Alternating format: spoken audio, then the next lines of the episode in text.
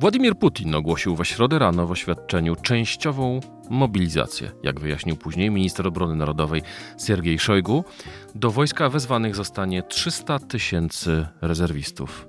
Co to oznacza dla losów wojny? O tym w audycji Rzecz w tym wyjątkowo Michał Szułdrzyński. Zapraszam. Rzecz w tym, że taki był dzień. Cezary Szymanek, zapraszam na codzienny podcast Rzeczpospolitej. We środę 21 września witam Państwa w zastępstwie Cezarego Szymanka, Michał Szułdrzyński. Witam Państwa bardzo serdecznie, a ze mną Andrzej Łomanowski, dziennikarz i komentator do spraw zagranicznych Dziennika Rzeczpospolita. Witam Cię Andrzeju. Dzień dobry. Skąd liczba 300 tysięcy? To jest pewna tajemnica, ponieważ punkt y, dekre, dekretu y, prezydenta Putina, w którym jest wymieniona liczebność y, wojsk powoływanych, mobilizowanych rezerwistów, jest utajniony. Właśnie z powodu tego, że tam jest wymieniona ich liczba. To jest ten punkt siódmy, tak? Tak, Bo jest ukaz, siódmy. który ma publiczny jest punkt szósty, potem mamy punkt ósmy, a punkt siódmy, rozumiem, jest do użytku wewnętrznego. Tak. E, I e, dlaczego akurat 300 tysięcy? No, e, eksperci wojskowi liczą to w sposób następujący. Armia rosyjska, wbrew temu, co powiedział minister Szojgu, straciła w zabitych i rannych około 100 tysięcy żołnierzy. On powiedział o 5 tysiącach. A on tak, no to wywołało e, rozbawienie, bo nawet dziennikarze BBC z tak zwanych otwartych źródeł, czyli podliczając świeże groby na cmentarzach, e, znaleźli ponad 6 tysięcy zabitych. E, I powołanie 300 tysięcy pod broń pozwoli po pierwsze odtworzyć liczebność zgrupowania rosyjskiego z lutego tego pierwotnego, które atakowało Ukrainę. Po drugie, Mówiono o 200 tysiącach ludzi. Około 200, tak. E, I dodatkowo stworzyć e, pewną rezerwę na ich zapleczu, nie wiadomo jaką, ponieważ z tych, którzy przeżyli tą rzeźnię półroczną na Ukrainie, to są żołnierze zawodowi, którzy mają podpisane kontrakty. Większość z nich ma podpisane kontrakty roczne. I te kontrakty im się kończą. W związku z tym będą odchodzili do cywila. I ich również również mają zamienić e, powoływani, e, mobilizowani rezerwiści. E, dlaczego do, dokładnie 300 tysięcy wyliczono? No cóż, to już jest pytanie do sztabowców rosyjskich. Stawiasz tezę w artykule, który już od pewnego czasu wisi na stronie RPPL. W swoim komentarzu piszesz, Putin dzięki mobilizacji uzyska znaczną przewagę liczebną, ale jeszcze nie teraz. No cóż, Rosja jaka jest, każdy widzi, widział i będzie widział. E, wygląda to następująco. Dwa razy do roku w Rosji jest pobór e, wojskowy, ponieważ e, tylko część armii jest u nich zawodowa, pozostałe 100, 120, 140 tysięcy, to zależy od roku i od poboru, to są no właśnie poborowi. I tych poborowych y, urzędy, biurokracja wojskowa mieli 2 do 3 miesięcy, czyli ten pobór tyle trwa od momentu ogłoszenia. E, przychodzą do tych wojskowych komend uzupełnień, czy tam komisji poborowej, jak się to w Rosji nazywa, pokazują dokumenty, wszystko się ustala, wypełnia rubryczki i to nie w Excelu, tylko papierowo i tak dalej, na całym tym terenie ogromnego kraju. Potem się ich zwozi do miejsc, w których mają odbywać służbę, czy też wstępne szkolenie przechodzić. E, powołanie pod broń 300 tysięcy ludzi oznaczałoby, że ta biurokracja, takie, jeżeli ona pracuje, będzie pracowała tak jak obecnie, a na razie nie widać, by miała to robić szybciej, będzie ich mieliła 4-6 miesięcy. Czyli, że y, widoczne zmiany na froncie mogą nastąpić dzięki napływowi świeżych żołnierzy dopiero pod koniec zimy. Ale stawiasz pytanie, w co będą ubrani i w co będą uzbrojeni? No, najgorzej jest z ubraniami. E, i takim tym zewnętrznym e, e, sprzętem. E, już obecnie bardzo wiele e, grup społecznych z tej takiej masy imperialnej Rosjan prowadzi zbiórki społeczne dla swoich żołnierzy. Kupują im na przykład kamizelki kuloodporne, które żołnierze powinni mieć, a których powszechnie nie, nie posiadają. Nie wiadomo skąd teraz armia nagle wytrześnie 300 tysięcy kamizelek kuloodpornych, jeżeli nie ma ich dla obecnych żołnierzy. To samo dotyczy o, takich najbardziej prymitywnych i jakbym powiedział nawet prostackich rzeczy jak majtki i skarpetki. E, żołnierze rosyjscy w początkowej fazie wojny, kiedy jeszcze coś tam zdobywali, powszechnie okradali ukraińskich żołnierzy z części umundurowania, ponieważ mundury i oprzyrządowanie ukraińskie było uważane za znacznie lepsze od rosyjskiego. E, hełmy, y, ukraińskie, keflarowe, z siatkami, z elementami maskującymi, e, kamizelki kuloodporne. Ja już nie mówię o bieliźnie, bo to powszechnie kradli. Tam nawet jednego mm, oficera wyższej rangi rosyjskiego złapano w majtkach ukraińskiej armii.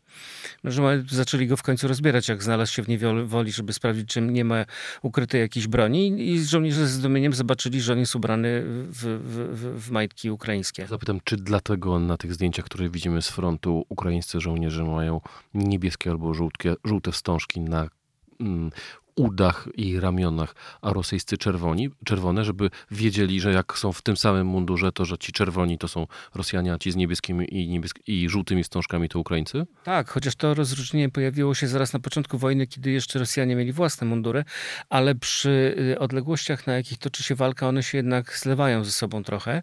E, teraz rzeczywiście, kiedy część mundurów ukraińskich przekoczowała do, w szeregi armii rosyjskiej, to takie wstążki są konieczne, bo inaczej by się zaczęli zabijać nawzajem, co zresztą zdaje się zdarzyło się parę, parę dni temu, tylko że to y, oddziały rosyjskie w pobliżu, y, w pobliżu Lisyczanska, dwa, dwa pułki wpadły, dwa bataliony wpadły na siebie i na skutek strzelaniny pomiędzy nimi 20 żołnierzy, ponad 20 żołnierzy zostało zabitych.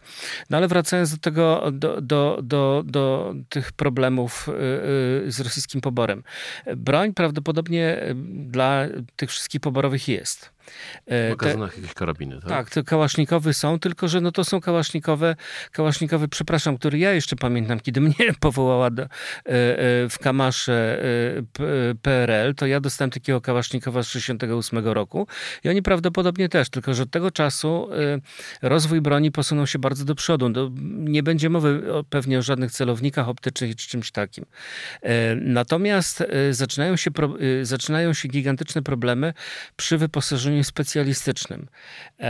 Już w tej chwili wiadomo, że w Petersburgu paczkami rozwożone są e, e, wezwania mm, na front dla lekarzy. No ale e, co, apteczki mają sami ze sobą zabierać? Wojska ich nie ma. Kradli to do tej pory armii ukraińskiej. To samo dotyczy wojsk saperskich, czy też inżynieryjnych, które mają budować różnego rodzaju umocnienia, przeprawy, pola minowe, czy też rozminowywać. Tam też nie ma żadnego żadnego sprzętu, poza tym, który już znajduje się na froncie. Także mm, te wszystkie szczegóły, znaczy najwyraźniej Putin wyobrażał sobie ten pobór jako coś w rodzaju 1941 roku, gdzie pod Leningradem, ówczesnym dzisiejszym Petersburgiem i pod Moskwą, na front rzucono e, apałcienie, czyli to, co my byśmy nazwali pospolitym ruszeniem, uzbrojone w karabiny z bagnetami, e, ubrane w cywilne marynarki, kaszkiety, kapelusze, płaszcze i oni z okrzykiem ura atakowali pancerne oddziały niemieckie. No w końcu masą... Była to masa, milionowa masa. Tak, i oni masą swoją, szczególnie pod Leningradem, powstrzymali te natarcia, tylko że kosztowało to e, nieprawdopodobne straty e, ilościowe, ale i jakościowe, ponieważ tam w tych nieoznakowanych grobach leży prawie cały Uniwersytet Leningradzki, studenci. No i wykładowcy, którzy ich prowadzili do, do ataków. No i takie odnoszę wrażenie, że Putin y, tak wyobraża sobie tę wojnę. Ale tu się pojawiają pewne inne elementy.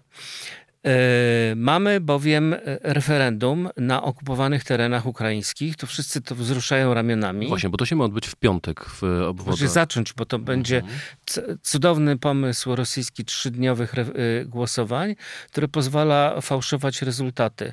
A że one będą bezczelnie, znaczy w ogóle nie, nie, rezultaty są prawdopodobnie z góry ustalone.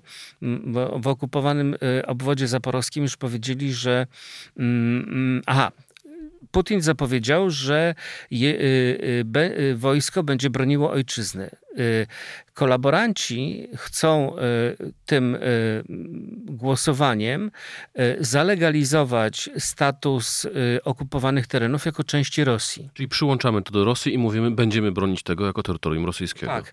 Przy czym na przykład na terenie zaporowskim wyniki tego tak zwanego w cudzysłowie referendum mają obowiązywać również dla, dla ponad 700 tysięcznego miasta Zaporoża, które stanowi zaplecze ukraińskiego frontu, które nigdy nie było... Jest po stronie ukraińskiej nigdy nie było okupowane. No to są po prostu cudawianki. E, co tam wymyślają ci, ci, ci dziwni e, e, ludzie, których naskrobała administracja okupacyjna.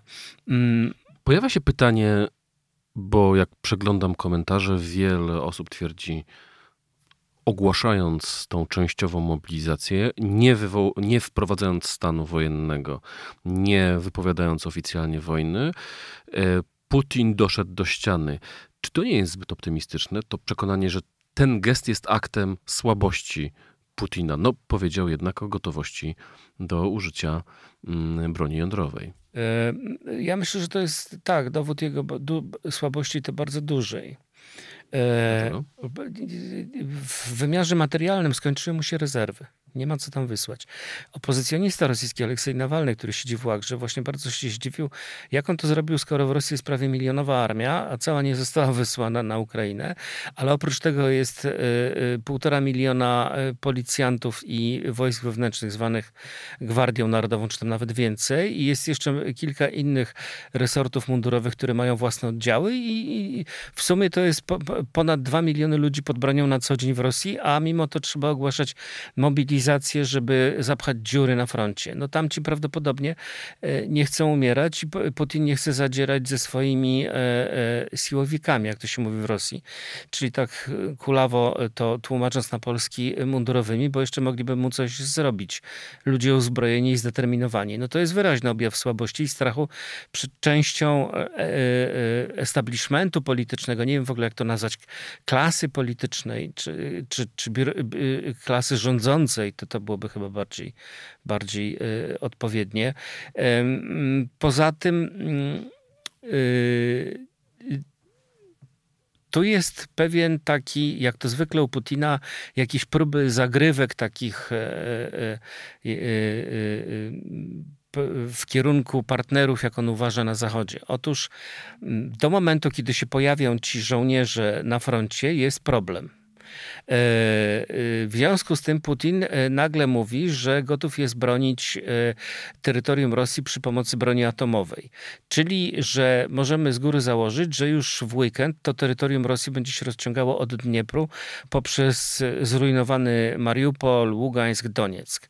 I w tej sytuacji wojska ukraińskie atakujące tam będą zagrożone uderzeniem atomowym rosyjskim. E, bo oczywiście Ukraińcy będą dalej wyzwalali swoje ziemie i będą dalej tam atakowali. To bez dwóch zdań. Nie, ma, nie, nie, nie powinniśmy żywić co do tego żadnych wątpliwości. Mm, I to e, groźba, e, która ma ich powstrzymać przed dalszym łupieniem rosyjskiej armii do momentu, kiedy napłyną te mm, rezerwy poborowych i y, zmobilizowanych ludzi i uda się ustabilizować front, a nawet być może odepchnąć Ukraińców gdzieś w jakichś miejscach. No, wyraźnie y, w starciu y, kraju, którego potencjał jest tak ze cztery razy większy, czyli Rosji z Ukrainą, Rosja poniosła już nawet nie porażkę, tylko no nie jest to jeszcze klęska, ale to już na pewno nie jest porażka i to jest właśnie świadectwo słabości Putina. Dlatego Putin w swoim przemówieniu mm, mówił o tym, że to nie jest wojna z Ukrainą, tylko całym Zachodem, no bo wstyd byłoby się przyznać, że tak. tacy mali Ukraińcy dali im. To, to, dokładnie jest tak i to jest główna teza rosyjskiej propagandy, którą e, ci wszyscy e, showmeni propagandowi telewizyjni przedstawiają już chyba od dwóch tygodni, że na terenie Ukrainy my walczymy z całym NATO. Tam jedna z tych, no, ja nie nazwę ich dziennikarzami, bo to nie ma nic wspólnego z dziennikarstwem. Jedna z tych propagandystek kilka dni temu nawet twierdziła, że są tam całe zwarte oddziały murzyńskie. Nie wiem dlaczego, czy co to ma symbolizować dla, dla niej i dla Rosjan, co to miałoby symbolizować dla niej i dla Rosjan, że są czarne oddziały w armii ukraińskiej. Oczywiście to jest bzdura, nie ma w ogóle takich oddziałów. Jest kilku rzeczywiście ciemnoskórych Amerykanów wśród... Ale są to ochotnicy, nie są to regularne wojska amerykańskie. Nie, nie, mowy nie ma o regularnych wojskach amerykańskich. Są to po prostu ochotnicy. Mm, natomiast cały czas się zastanawiam, do czego miałoby służyć żonglowanie tego rodzaju argumentem. Co, jakie emocje miałby wywołać on wśród Rosjan? Na co liczyła propagandystka, która mówiła, która to mówiła i nie potrafię znaleźć żadnej odpowiedzi, bo w sumie co to jest za różnica? Czy to jakby podkreślenie obcości kulturowej? Nie, no, w kraju, który ma kilkanaście milionów imigrantów z Azji Środkowej, te granice obcości kulturowej są dosyć takie rozmyte, także to śmiesznie po prostu brzmiało. Chciałem Cię zapytać o okoliczności e, związane z tym przemówieniem e, prezydenta e, Putina. Rozmawiamy teraz po południu we środę. Jego wystąpienie było planowane we wtorek wieczorem. Wszyscy przeglądaliśmy sieć czekając, gdy nadszedł czas. Okazało się, że wcale tego wystąpienia nie było. Zostało odtworzone z taśmy dopiero we, we środę rano. E, od świtu śledzisz rosyjską prasę oficjalną, jak również mm, kanały społecznościowe. Jakie są teorie na temat tego, dlaczego tak się stało? O co chodzi w tej grze? E, jedna teoria jest taka, że to miało e, służyć podniesieniu napięcia. Putin zawsze lubi, bardzo lubi tego rodzaju chwyty. E, e, w celu takiego podniesienia napięcia spóźniał się zazwyczaj na spotkania międzynarodowe. To zabawa się skończyła w zeszłym tygodniu w Aszchabadzie, gdzie wszyscy spóźnili się przywódcy na spotkanie z nim. W związku z tym, jak śmieją się e, sami Rosjanie, jedyne co mu zostało, to spóźnić się na spotkanie z własnym narodem, co też właśnie uczynił. No ale tu jest też taki element gry, gry politycznej, że w celu podniesienia napięcia.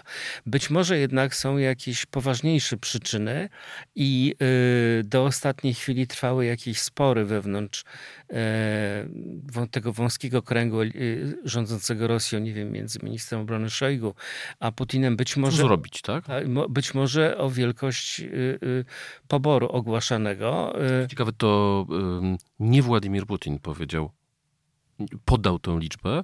Dopiero później wyemitowano wystąpienie, czy właściwie quasi wywiad e, z Sergiejem Szojgu, który użył tej liczby 300 tysięcy. Tak, a w sumie nie wiemy dokładnie, jak jest naprawdę, bo ten właśnie punkt w dekrecie jest utajniony i nie można go przeczytać.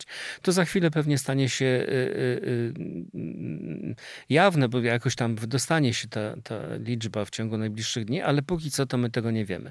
No więc jednym z, z, jednym z wyjaśnień tego opóźnienia były, były spory dotyczące wielkości poboru, być może czasu, w jakim to e, e, miało się odbywać. Prawdopodobnie wojskowi gwałtownie protestowali przeciwko zwiększaniu ilości poborowych, bo doskonale zdają sobie sprawę, że ich struktury i biurokracja nie przerobi tego, e, e te, tej ilości e, powoływanych pod broń. Tym bardziej, że e, w jednostkach, do których oni są kierowani, oficerowie, podoficerowie, czyli instruktorzy, którzy mieliby im przypomnieć te nawyki z wojska, jak się biega, kopie okopy, y, zakłada maski przeciwgazowe i tak dalej, to oni w większości zostali już dawno wysłani na front i tam nie ma kto ich szkolić. E, I być może generalicja właśnie y, próbowała to jakoś wytłumaczyć prezydentowi, ale jest to człowiek dość uparty. Na koniec pytanie o przyszłość. Wiemy, że Zachód nie uzna e, wyników referendów. E, wiemy, e, jak Zachód zareaguje na te kolejne groźby Putina. Te komentarze już płyną od rana.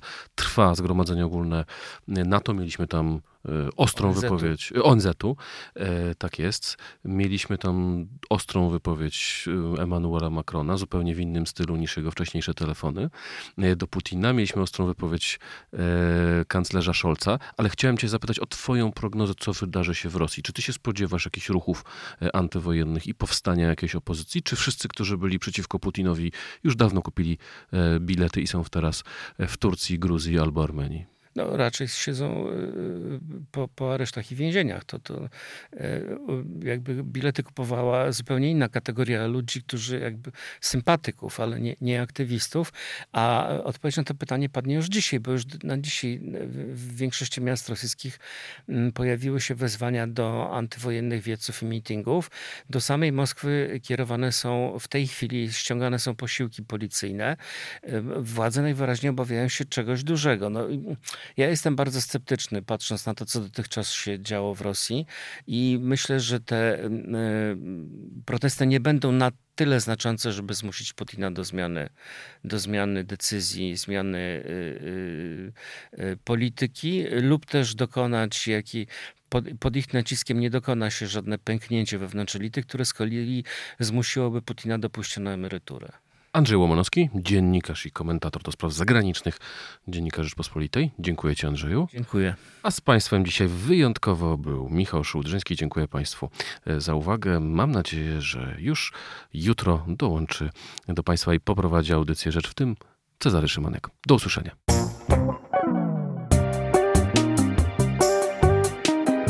Rzecz w tym to codzienny program Rzeczpospolitej. Od poniedziałku do czwartku o godzinie 17. Słuchaj na stronie podcasty.rp.pl. Włącz Rzecz w tym w serwisie streamingowym.